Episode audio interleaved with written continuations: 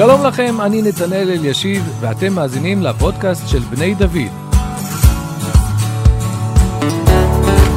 בכל פרק נשוחח עם דמות מובילה במוסדות בני דוד על יהדות, ציונות, ערכים וסוגיות שמעסיקות את החברה הישראלית.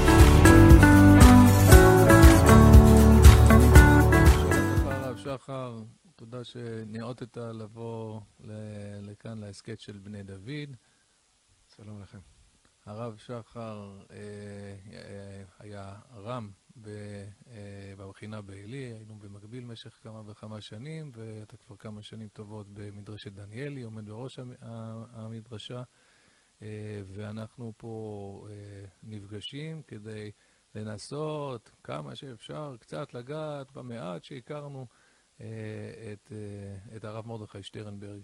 זכר צדיק לברכה. הרב מרדכי הלך לעולמו כמה ימים לפני אה, שהשיחה הזו בינינו מתקיימת. ואני אקדים ואגיד, לשנינו יש אה, ניסיון בתחום אחר, אבל לא לגמרי אחר, וזה הנושא של, של הנצחה. אה, המשפחה שלכם עסוקה הרבה בהנצחה של אה, דגן אחיך, שגם למד אצל הרב מרדכי, ניגע בזה בהמשך. אה, אני אצלי זה לא במשפחה, אבל יש כמה חברים וחללים שאני מלווה את ההנצחה, ואני יודע שיש בעיה בלדבר על נופלים. אני חושב שאותה בעיה, פשוט יש גם לדבר על אה, תלמידי חכמים גדולים שהלכו לעולמם. והבעיה היא שהדוברים מנסים כל פעם להסביר, לא, אתם לא מבינים, זה היה הרבה יותר. ואנשים, חלקם יותר נוטים לקבל את זה, וחלקם אומרים, בסדר, כל פעם אומרים שזה היה הרבה... ובסוף אומרים את אותן מילים. על כולם, וזה בדיוק כמו שבתחום אחר לגמרי, בתחום השידוכים, איכשהו בסוף כל הגברים מחפשים את אותה בחורה שהיא מצד אחד עדינה ומצד שני יש לה אופי, וכל הבנות מחפשות את אותו אחד שהוא ירא שמיים, אבל גם כיפי. בסוף המילים קצת... ואני מרגיש בהספדים ובדברים לזכרו של הרב מרדכי, שמי שזכה להכיר אותו, אז הכל פוגע בול. אבל בסוף אני שואל קבוצות של תלמידים, מי מכם אי פעם ראה אה, את הרב מרדכי, שמע אותו, והם לא. אז אנחנו ננסה, אם, אם יש חידוש או ערך בשיחה בינינו, אנחנו ננסה לדבר פשוט ממה שאנחנו ראינו, אה, עבור מי, ש, מי שלא הכיר, ואנחנו מראש אומרים, לא, אנחנו לא הולכים להקיף את כל גודל הדמות, את כל הסופרלטיבים שראויים ומתבקשים, לנסות קצת, שנקודת אחיזה, נקודת מגע. אני פגשתי את הרב מרדכי אה, כשהגעתי לישיבה. לא הכרתי לפני כן, הכרתי את הרבנים אחרים של הישיבה, אבל אה, חלקם. לישיבה? להר המור. להר המור. ואולי עוד, עוד יצא לי לפגוש אותו כשהוא הגיע לאור עציון לתת שיעורים בעיון, פה ושם, אבל לא נכנסתי לשם בקביעות. ורק uh, שמו הלך לפניו, ידעתי שמדובר בתלמיד חכם בסדר גודל מאוד גדול. ואני זוכר את הפעמים הראשונות שאני ניסיתי להיכנס אליו ב... לשיעורים שלו, פעם בישיבה, ואני פשוט לא הבנתי כלום, לא הבנתי כלום. זאת אומרת, הרגשתי שהוא... אה... לא הבנתי מה הוא רוצה. זאת אומרת... אה, זהו, זה, זהו, צריך לחדד בלא הבנתי כלום. אני מכיר את החוויה הזאת, עוד מעט נפרט, אני לא למדתי הרבה גמרא אצל הרב מרדכי, אתה כן, אבל אתה כן מבין מה שהוא אומר לכאורה. אתה מבין את המשפט, אתה מבין, אם אתה למדת את הסוגיה, אתה מבין את ההקשר. אבל בסוף, באפקט המצטבר, לאן הוא הולך, ואיך, אתה בעצם לא מבין. כן, הרב מרדכי, כשהוא לימד סוגיה, כל ראשון שהוא נכנס אליו, כל אחרון, הוא היה הוא. כל המורה שהוא דיבר עליו, הוא נכנס לחיות אותו, ואז פתאום את הכל הוא צבע דרך הזווית של הסברה שלו ושל ההסתכלות שלו. ולא נשאר מקום לשום סברה אחרת. אפילו לא הסברה של המורה השני, לא כל שכן של, כן. שלנו הקטנים. ואז פתאום הוא היה עובר אה, למורה השני, או לראשון הבא. לפעמים המילה לכאורה. אחרי כל ההסבר של שיכול היה לארוך שעה, נכון. כך זה. לכאורה. ממש. ואז פתאום הכל מקבל... אה, כן. ואתה, וזה רובד אחד שהיה מאוד אה, דרש, זאת אני באתי עם סוגיה שהכנתי אותה. וככה שאר התלמידים, הבנו עם סוגיה מוכנה, יחסית, כמה שאנחנו יכלנו, אה, ופתאום רק, רק מהנקודת הפתיחה, כבר הוא זרם לעומקים כל כך עמוקים, לרבדים כל כך פנימיים ולרמת הפשטה מאוד מאוד מאוד עמוקה, שהשאירה אותנו בשאלה אם אנחנו כאילו, כאילו, כאילו אתה נכנס להרגשה שאתה בעצם לא הכנת את השיעור. חשבת שאתה מוכן, ואתה מוצא את עצמך נמצא ברבדים שלא התעסקת איתם, לא חשבת עליהם, ופתאום uh, אתה איבדת את הרגליים על הקרקע כאילו, אתה פתאום, uh, ככה זו הייתה חוויה שלי. עכשיו, השיעורים שלו גם היו ארוכים מאוד. שיעורים uh, שהתחילו בשעה 40, שעתיים, ו... אבל אף פעם לא ידעת מתי הם הסתיימו. נתת עכשיו שתי סיבות למה היית צריך לעזוב את השיעור הזה. אבל לא עזבת אותו. לא, לא, לא עזבתי אותו. עוד לפני שאני לא עזבתי אותו, אני יכול להגיד רק שכשהשיעורים התארחו, זה, זה היה מאוד קשה, וכבר רצינו, ש, רצינו שיגמר. אני לפחות, היה החוויה שלי, שמעתי את זה מאוד אנשים, כי הם לא, זה, זה היה עומס אדיר של uh, עומק, ושל, uh, לא הכלנו את זה, וזה, אמרתי לך, זה היה בשבילו רק תחילת ה... זה היה, הוא נהנה מזה, זה היה שעשועיו, זה היה ממש תורתך שעשועי. ממש הרגשנו את זה, איך הוא, הוא לא, לא מבחינת שעשוע של כיף, הוא, הוא היה שם לגמרי, הוא, חו, הוא חי את הדברים, ואני חושב שזה שנשארתי שם בשיעור לאורך זמן ארוך, זה נבע גם מ... זאת אומרת, הרגשנו שאנחנו מקבלים תורה מסיני, זאת אומרת, אתה עומד מול משהו כל כך גדול, שהמחשבה להחליף, ללכת למשהו אחר, היא באיזשהו מקום גם ויתור, ויתור עצמי, וגם, וגם כן זיהינו פה, והצלחנו לזהות ודאי בהתחלה נטיפים, אולי אחרי זה קצת יותר, אבל עבדתי המון אחרי כל שיעור כדי לנסות להבין מה, מה קרה שם, ולאט לאט אתה קונה איזה מבט, אבל, אבל יש, יש חוויה של התרחשות כל כך גדולה וכל כך עוצמתית, שאתה לא רוצה לפספס אותה, אתה לא, אתה לא חושב על האפשרות בכלל לפספס אותה. אז אתה, אתה מתאר דברים ש... בישיבת הר המור שהוקמה בשנת תשנ"ז, 97 למניינם. ומכיוון שהרב מרדכי כבר היה שם דבר הרבה הרבה לפני כן, אני ברשותך אקדיש אה, שתיים שלוש דקות, רק כדי לתת את הרקע הבסיסי למי שבאמת אה, לא מכיר. אז הרב מרדכי אה, הוא אחיו התאום של, ייבדל לחיים טובים וארוכים, של הרב עמי, ששניהם כיהנו יחד בראשות הישיבה. והוא נולד, הם נולדו בשנת תש"ח, מי ש... אייר, אייר תש"ח. אייר תש"ח, עם קום המדינה, היו כבר מי שאמרו שהקדוש ברוך הוא בונה מדינה לעם ישראל, אז הוא צריך גם לזרוק את הנשמות ש... אה, שייתנו נשמה למדינה הזאת. אה, בכל מקרה הם גדלו בכפר פינס, שזה התיישבות אה, קלאסית של הפועל המזרחי, ציונות דתית. אבא שלהם הוא הרב של כפר פינס, אז יש איזה בית תורני, בטח יותר מהממוצע, ו... אה, בשנים ההן במדינת ישראל. הם התייתמו מאביהם בגיל יחסית, אה, יחסית אה, צעיר, בילדותם, ואז האימא עוברת איתם לירושלים. בירושלים, למיטב ידיעתי, הם לומדים בנתיב מאיר, ואז הם מתפצלים, פיצול קצר ולא לא אופייני להמשך הדרך, כשהרב עמי הולך ללמוד במרכז הרב, של הרב ציודה, אנחנו מדברים, על, אני חושב, על שנת 66 או משהו כזה. שוב למניינם, והרב מרדכי הולך לכפר חסידים, שזו בעצם ישיבה חרדית. עד כמה שאני מבין, זה לא שהוא היה אי פעם בעל השקפת עולם חרדית, אבל הוא רצה ללמוד ברמה גבוהה ו... היה מקובל אז. היה ציבור הציונות דתי, היה מקובל. כן. בכלל לימוד תורה בגיל הזה לא היה כל כך מקובל, אבל במעטים כן, האלה... כן, הלכו ללמוד, זה היה מקובל. כן, כן, היו... אז אני מבין שהוא היה חברותא של הרב מישקובסקי.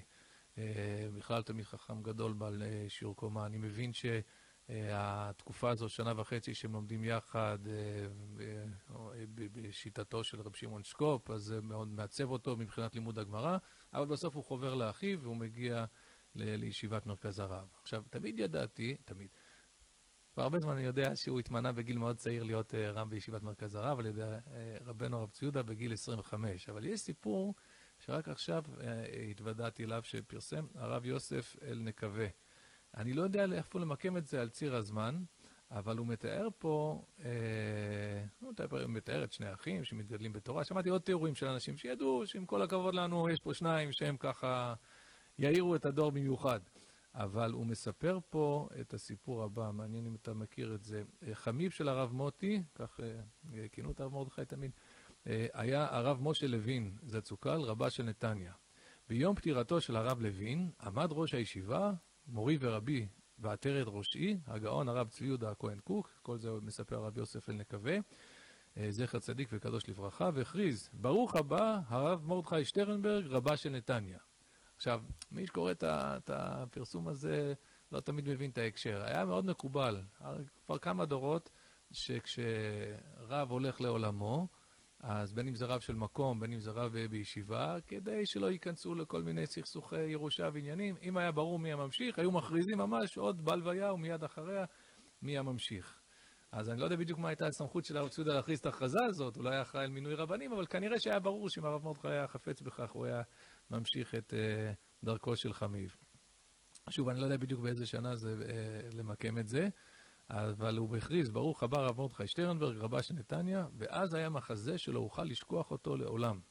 מספר הרב אל נקווה, הרב מוטי בכה ובכה, והתחנן על נפשו, בבקשה, בבקשה, פה אשב כי איביתיה, לא אוכל לעזוב את הישיבה. עכשיו, אם אנחנו מכירים אנשים שמתחננים, אז מתחננים כדי לקבל, לא רוצה לקרוא לרבנות ג'וב, אבל לקבל משרה, לקבל... אה, אז הוא מתחנן לא לקבל את, ה, אה, את המשרה, אלא כדי להישאר בישיבה. ואני נקרעתי, מספר הרב נקווה, מצד אחד התרגשתי לראות את רבנו ומכתירו בכתר הרבנות, ומצד שני, הרב מוטי מתחנן ובוכה כדי להישאר בישיבה. ודמעותיו ובכייתו נכנסו לליבו של הרב ציודה, נפלו התלמיד והרב איש על צווארי, ראהו ובכו. והרב מרדכי נשאר במרכז הרב. ואז הוא ממשיך ומתפתח. אתה הכרת את הסיפור הזה? הכרתי, גם אני קראתי. עכשיו, לאחרונה, כן. אוקיי.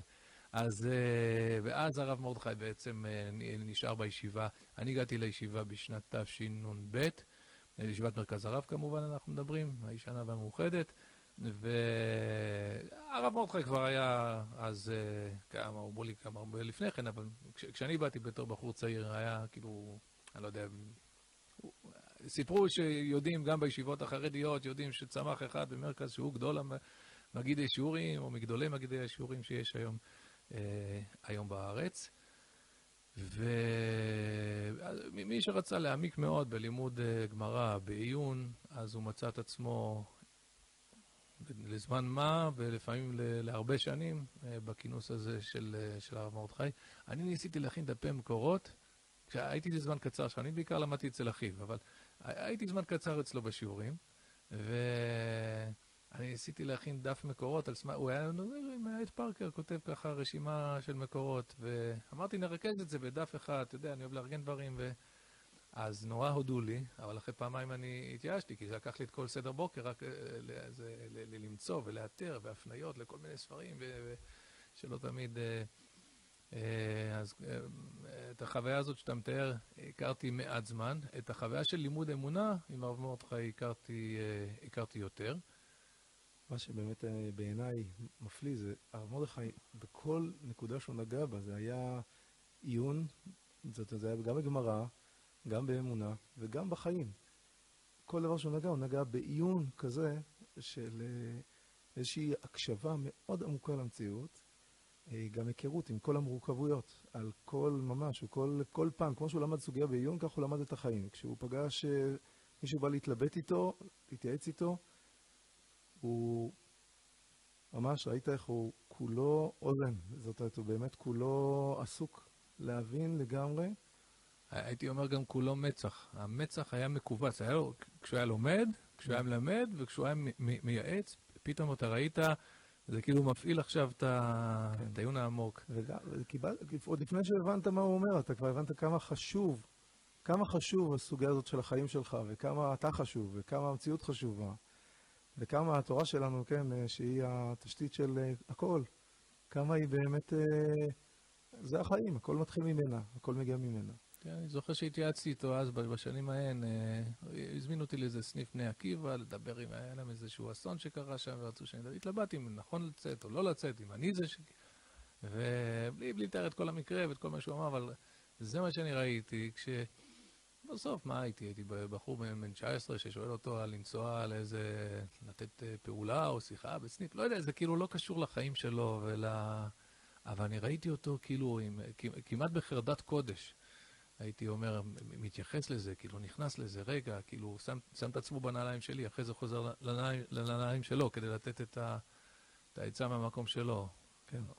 אני חושב שבאמת היה, היה משהו במרדכי שמצד אחד החזיק גובה, החזיק גובה מופלא, באמת אה, כל כך עליון, ומצד שני, הוא, הוא, בגלל שהוא כל כך כיבד את המציאות הזאת שהיא אלוקית, אז הוא התייחס בכזה כבוד לכל צד, לכל שיקול, לכל צד. לא קיבל, לא קיבל כל דבר, זאת אומרת, יש דברים שהוא בהחלט דייק אותנו, שהוא אישר אותנו, שהוא, אבל היה שם המון כבוד, המון המון כבוד להכל, חוץ מדבר אחד, לרב מרדכי. כי הוא, הוא ברח מן הכבוד, לגמרי. אין, כאילו, אין, אין מציאות כזאת שהוא נושא.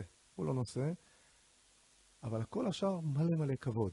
המון כבוד להכל, לכל הבריות. כן, סיפרתי על ה... שאני זוכר את היום שבו הוא הופיע לראשונה עם מגבעת, שהיום זה כאילו ברור שזה חלק מההופעה, אבל הרבנים אה, הללו הם עברו איזשהו תהליך, אנחנו עוד זוכרים אותם עם אה, שלב חולצת התכלת, רק אחרי זה חולצה לבנה, רק אחרי זה חליפה, כל אחד... ואני זוכר כשהוא, אה, כשהוא בא לישיבה בפעם הראשונה, אז ניגש אליו הרב צוקרמן, והרב צוקרמן לא היה, אני חושב שבחו"ל הוא היה הולך עם מגבעת, כי שם אתה בכלל לא בן אדם אם אתה לא... אבל הוא לא היה נוהג, אבל הוא אמר לו, לא זוכר מה, יישר כוח, כל הכבוד, או בירך אותו, כאילו שהוא על ה... והרב מרדכי, במקום, הוא ממש כזה התנצל, אמר, סליחה, אולי תצטרך לבקש רשות, ועכשיו, בוא, אתה, אתה ראש הישיבה, ראש הישיבה, גם לא, לא צעיר, ממי אתה בדיוק צריך לבקש רשות? אז גם מראה על הכבוד הרב שרכשו לרב צוקרמן, אבל גם על הנקודה הזאת של... של אני לא, לא, לא היה שם כל כך... אני כל כך הולך בימים האחרונים עם ההרגשה הזאת שהוא גידל רבבות של תלמידי חכמים אה, גדולים, כאילו היו תחתה, באמת הרבה אנשים נשמעו לו ושמעו לו, למדו ממנו, התייעצו איתו, בהרבה תחומים, אבל בטח בתורה, וממש בכל, בכל חלקי עולם התורה שלנו. ואתה אומר, איך בן אדם שהוא לא תופס מעצמו כלום, איך הוא מחולל כזאת, כזאת השפעה ובאמת אני, אני חושב שזה היה באמת אולי זה שהוא לא תפס מעצמו כלום, הוא היה כולו כלי, ככה הוא אמר לנו. אדם צריך להיות עבד השם, עבד השם, הוא תמיד היה מתחיל להסביר לנו מה... מה, מה הוא ידע מה אנחנו חושבים, כשאומרים עבד השם, הוא ידע מה חושב האדם הנורמלי, שזה מכווץ אותו, להיות עבד, זה לעשות דברים שאני לא מרגיש, דברים שאני לא רוצה. והוא אה, הציף את זה כשאלה. זאת אומרת, אנחנו רוצים להירתם לטוב האלוקי, אנחנו רוצים לעשות uh, את הכי טוב, את הכי אמיתי, אבל מה יהיה איתנו? מה יהיה איתי? ואתה יודע שאת השאלה הזאת, מה, איפה אני נעלם? אני נעלם פה, כאילו, בתוך העולם הזה של, ה, של המסירות אל הטוב ואל התורה ולרצון השם, מה יהיה איתי? מי, מי ישמור עליי? ושם הוא היה פותח את הנקודה של העבד השם, שזה הכל מתחיל מהקדוש ברוך הוא, החיים שלנו באים מהקדוש ברוך הוא, וזה רצון השם שמונח בנו, זה הרצון האלוקי. וכשאנחנו... אה, חיים את רצון השם, אז אנחנו, אז אנחנו חירותיים באמת. ובאמת, אצלו פשוט לא היה, זה לא היה, לא היה פער אצלו בין המילים האלה לאיך שהוא חי. היה פלא. היה פלא. האמת שלא, אני לא, אני הרבה, אחרי שהוא נפטר אני יותר רואה את זה. בתור חייו, הוא היה אצלי חלק מהמציאות, אה, ספינקס, כן, משהו מאוד גדול במציאות, משהו מאוד... אה, אבל הוא היה, הוא היה חלק מהמציאות של הפלא של החיים הישראלים, אבל... אחרי שהוא נפטר, אז באמת אומר, וואו, זה באמת, אה, כאילו, זה, זה מה שאנחנו כל הזמן מדברים, על הדמויות שאיך אדם יכול להיות, ואיך... זה נותן לך הרבה אמון, אתה עומד, הולך במציאות, ואתה יודע שיש כאלה גדולים. יש, יש מציאות של אדם שחי חיים נורמליים, בריאים, פשוטים, יודע להתייחס גם לאיחור של הרכב, וגם לכל דבר קטן, הוא יודע להתייחס ממקום של גדלות. וזה פלא, זה באמת אה, מאוד מגדל, מאוד אה, מצמיח.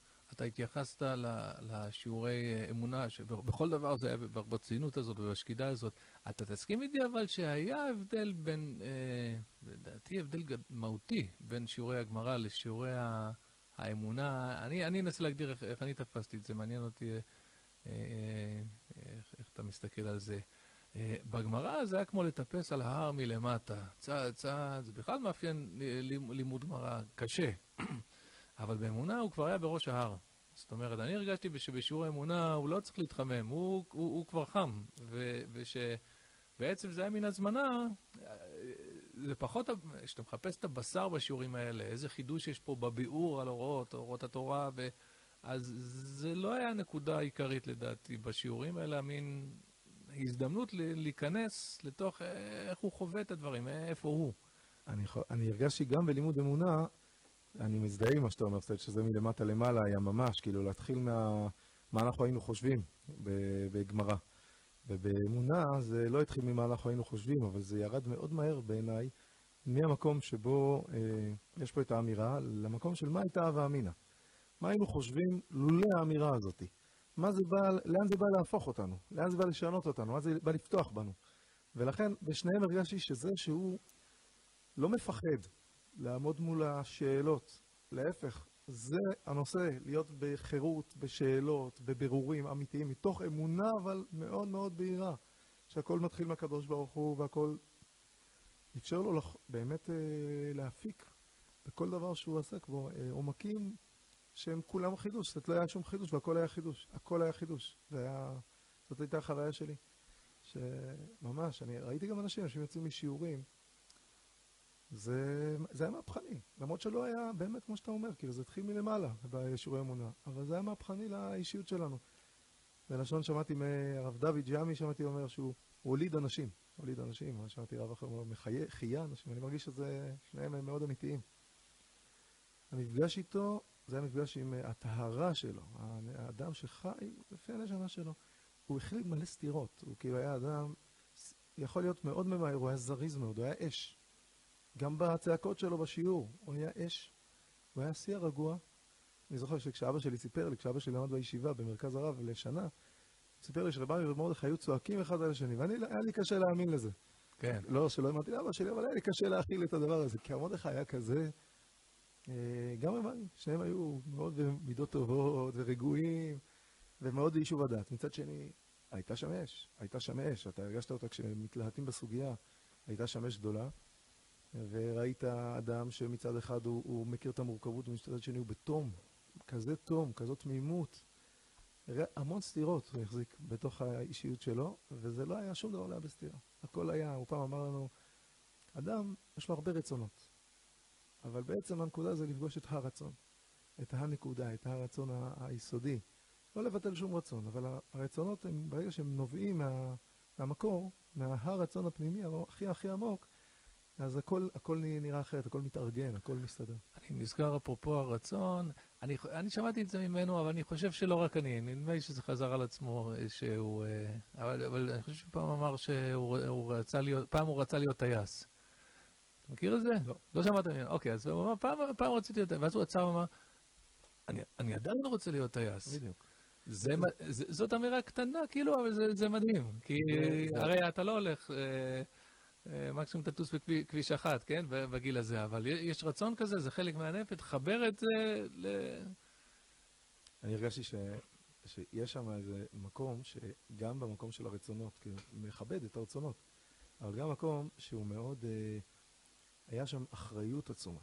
לא היה משהו שהיית בא אליו אל מרדכי, ומצוקה, והוא לא, לא לוקח אחריות. אתה אומר כמה כתפיים יש לה, כמה כתפיים אדם יכול, כמה אדם יכול לשאת את כתפיו? איזה מוטות כתפיים יש לו לאדם הזה? ושום דבר, שום דבר, כל דבר, מדבר קטן שבקטנים ועד גדול שבגדולים שהיו באים אליו, הכל הוא נס על כתפיו, הכל הוא לקח את זה אישית.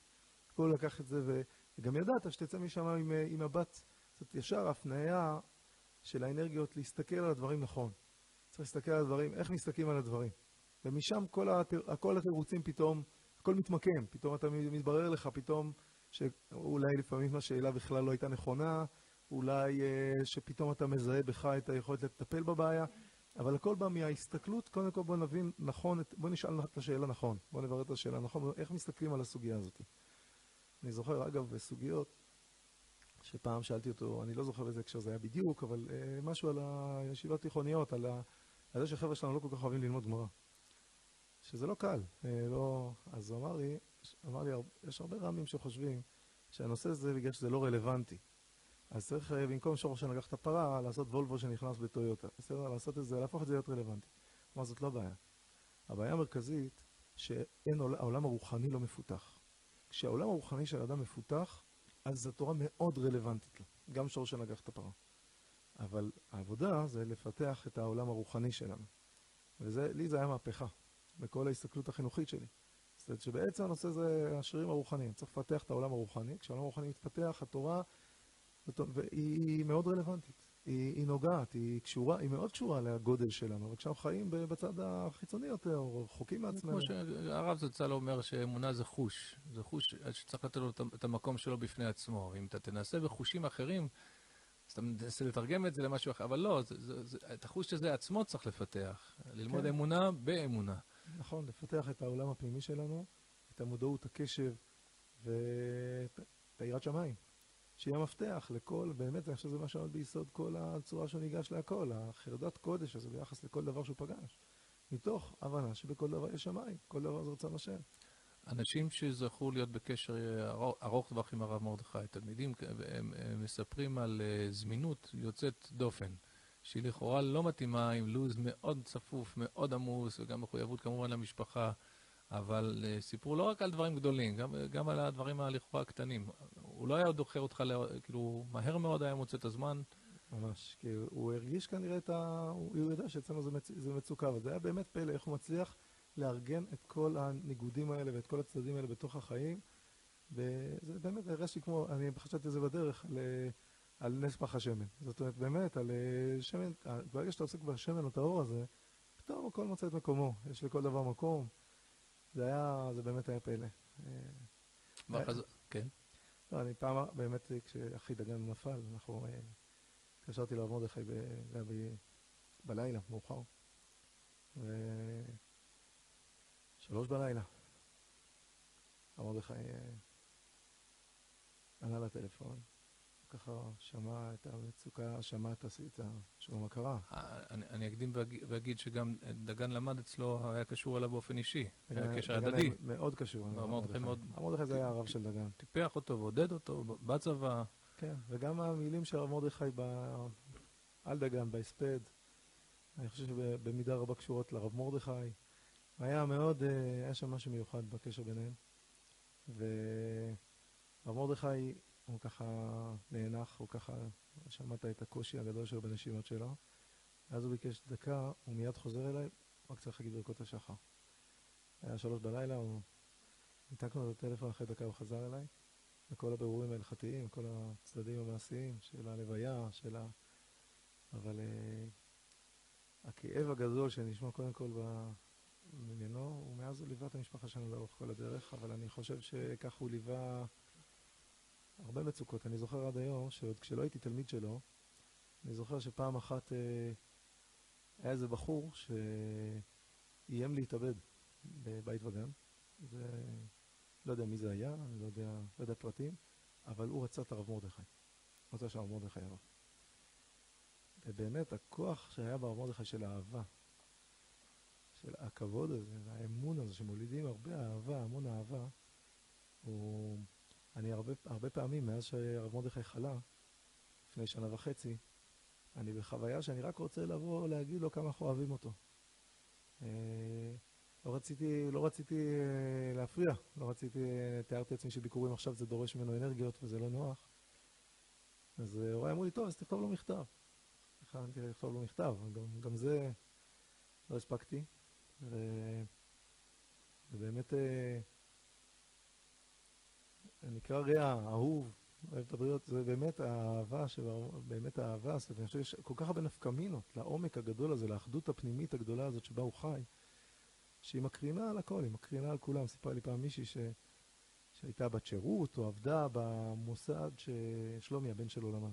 הרב מרדכי, יש בן, כן, הבן בנו הגדול. הבכור אה, נולד אה, עם עיוורון ופיגור שכלי אה, רציני, והרבה אנשים דיברו אה, שהכירו מקרוב את גודל המסירות שלו אה, לבן הזה.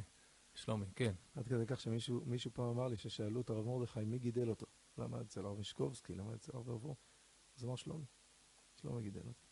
ואני אגיד לך שאני פרסמתי את הסיפור הזה, כי אותו, אני, אני התמזל מזלי, בחזרה מהלוויה, לא ממש שמה, דווקא ב, ככה בעומק רחוב גבעת שאול, פגשתי יהודי שידעתי שהוא ככה תלמיד רציני של הרב מרדכי, אבל הוא הגיע אחריי לישיבה, אמרתי, אז אה, הסעתי אותו, אמרתי לו, בוא נעשה הסכם, אני אספר לך על השנים לפני שהגעת ואתה תספר על השנים אחרי. והוא הוא, הוא סיפר לי את, ה, את הדבר הזה. וראיתי כמה אנשים התח... התחברו, בסוף, זה כמו ש... שניסינו לפתוח בו, מכל הסיפורים הגדולים, בסוף לסיפור הזה, שהוא אמר, מי גידל אותך? שלומי, ל... ל... אני מרגיש שהסיפור הזה הסביר את הרב מרדכי יותר טוב מכל ה... זה באמת החסד שבו, האהבה שבו, שנבוא מאמונה גדולה ומחיבור לעומק של כל אחד.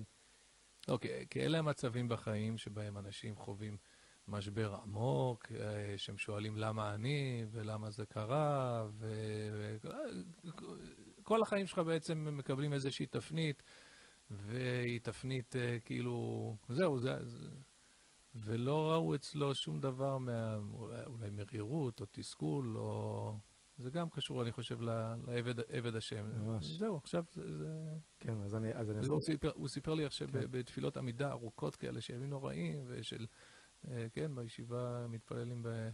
באריכות. אז הוא סיפר שכל הזמן על המחזה של, זה של שלומי יושב ליד, ליד הרב מרדכי, והרב מרדכי מתפלל בדקות ובכוונה, אבל הוא, הוא מחזיק לו את היד, הוא מלטף אותו. כי זה בסוף אה, מישהו שלא רואה, הוא רק שומע, ו- ו- ועכשיו יש פתאום שקט, זה, זה חוויה... ו- וככה, ביחד, התפילה בדקות והליטוף הזה שלא פוסק, והחום. סיפרה לי מישהי באמת שהיא הייתה בת שירות שם, או משהו, אני לא זוכר באיזה תפקיד, בעמותה, או לא יודע בדיוק בארגון שבו אה, שלומי היה כנראה. והרב מרדכי היה שם כאחד ההורים, זאת אומרת, אחד ההורים של הילדים שהם אה, עם בעלי מצוקות וככה אה, מורכבויות.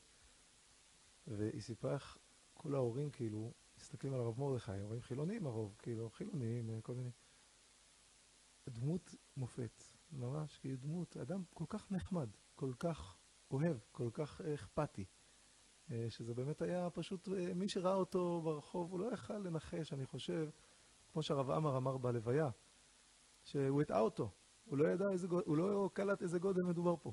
זאת אומרת, זה, רק כשהוא שמע מהתלמידים שלו, אז הוא הבין, הופלה, יש פה מישהו אה, בסדר גודל אחר. באמת...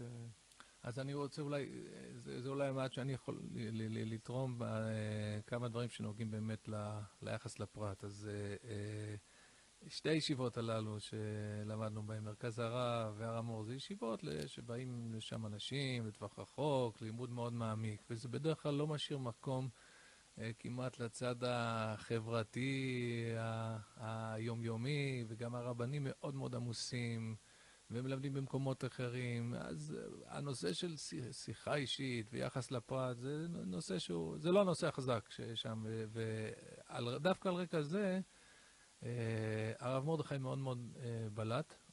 אני אביא כמה דוגמאות לדבר הזה. קודם כל, כשאנחנו ישבנו שבעה על אבינו, זכרו לברכה, אני הייתי בסך הכל חודש בישיבה.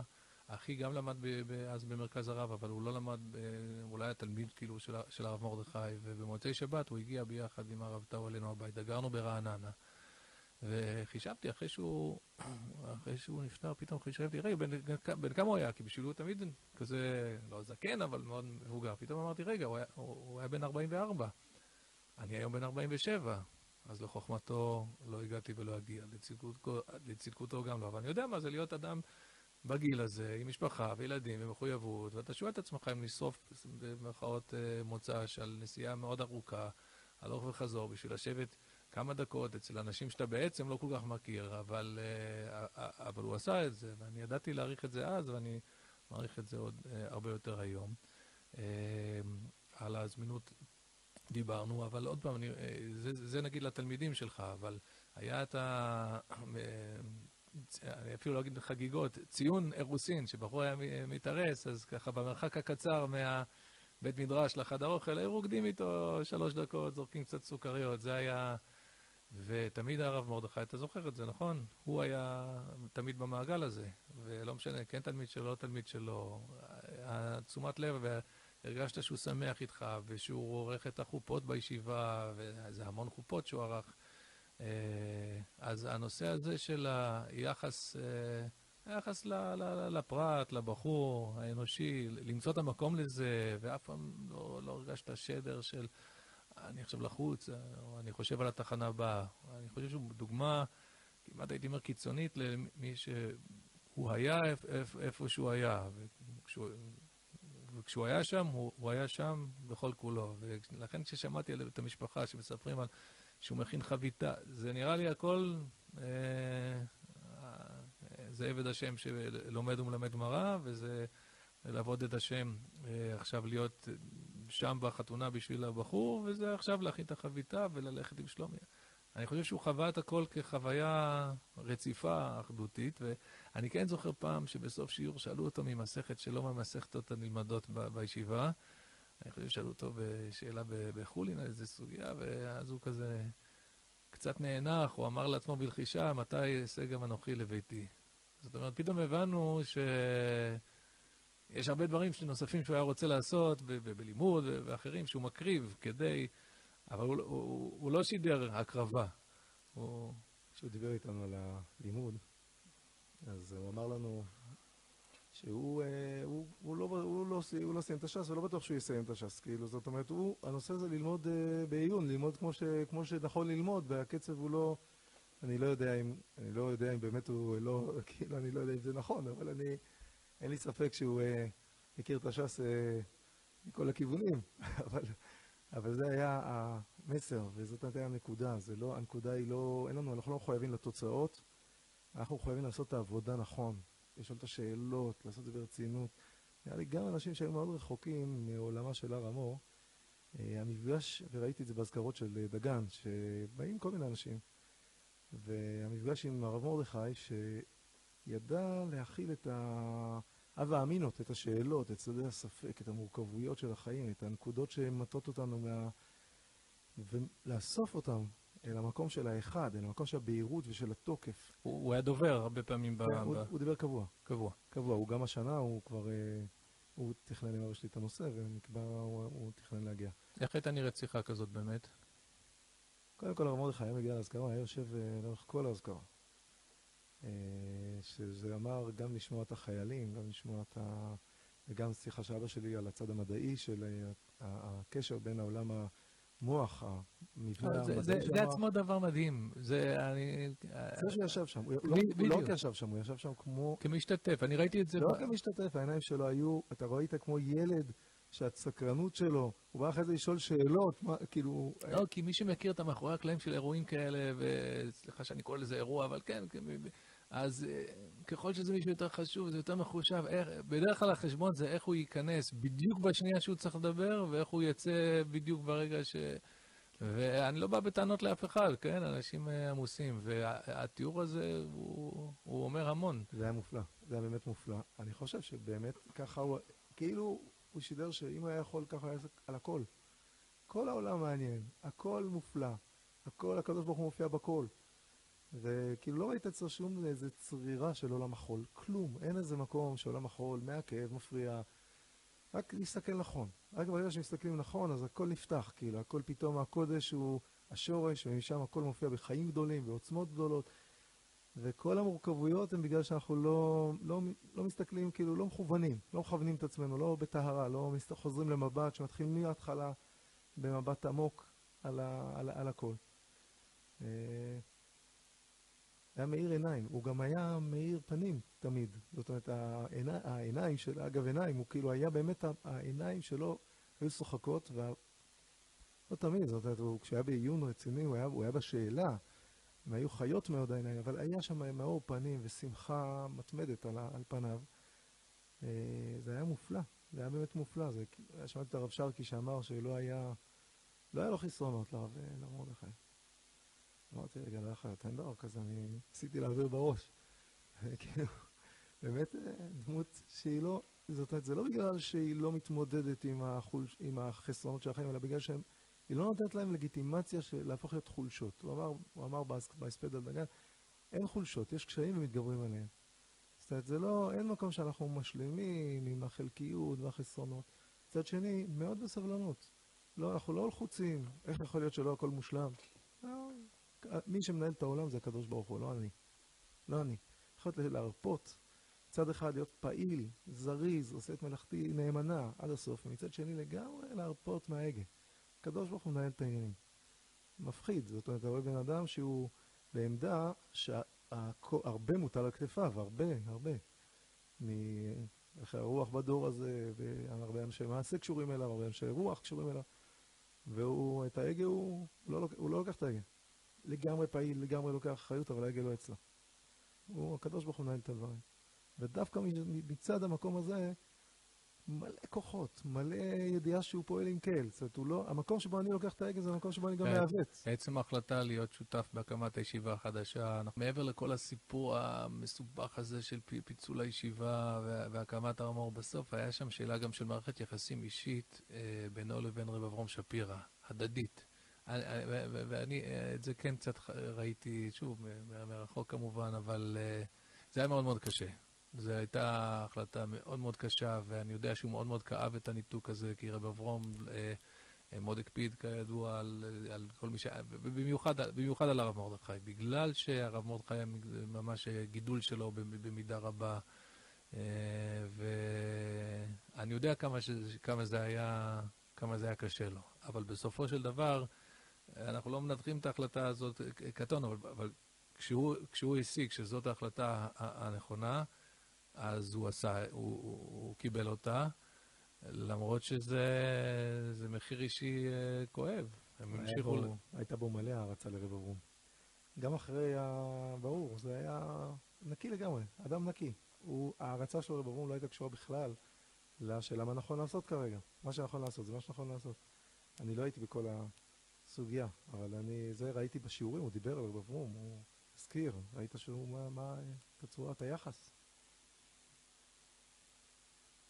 אתה יודע, אנחנו פה אה, ככה לקראת, אה, לקראת סיכום, אבל אה, לפני כן עניין, עניין אותי, בסוף ל, לאזכרות האלו אה, אה, של דגן, מגיע קהל מאוד מגוון. מגיעים אנשים, וחבר'ה מגולני, וקהל מגוון. מאוד מעניין אותי המפגש הזה, שלא היה קורה כל כך הרבה ביום-יום. בינם, כאילו, איך איך בן אדם רגיל מגיב כשפתאום מופיע הדבר הזה? זה, זה כאילו שני קווים מקבילים. טוב, גם הרב מרדכי עצמו, הוא... אה, גם הרב מרדכי עצמו ראיתי שהוא אה, הוא עושה במהלך האזכרה, הוא שוזר את הדוברים לפניו, הוא מרומם, מרים את, ה, מרים את כל מה שאמרו, הוא מזהה את הנקודות המהותיות. אבל גם היה משהו באמת, ממש איך שאנשים באמת קיבלו את זה. קודם כל ראיתי שהוא נוגע באנשים שהיו רחוקים. אנחנו רק לפני כמה ימים, התקשר איזה קצין אה, שליווה את דגן, אה, קצין אה, בבכיר, התקשר בקשר לאזכר שהולכת להיות השנה, אה, לתאם משהו. ואז אה, מישהו דיבר, עם מישהו מהמארגנות, אמר לו, אה, שמעת שהרב מרדכי נפטר?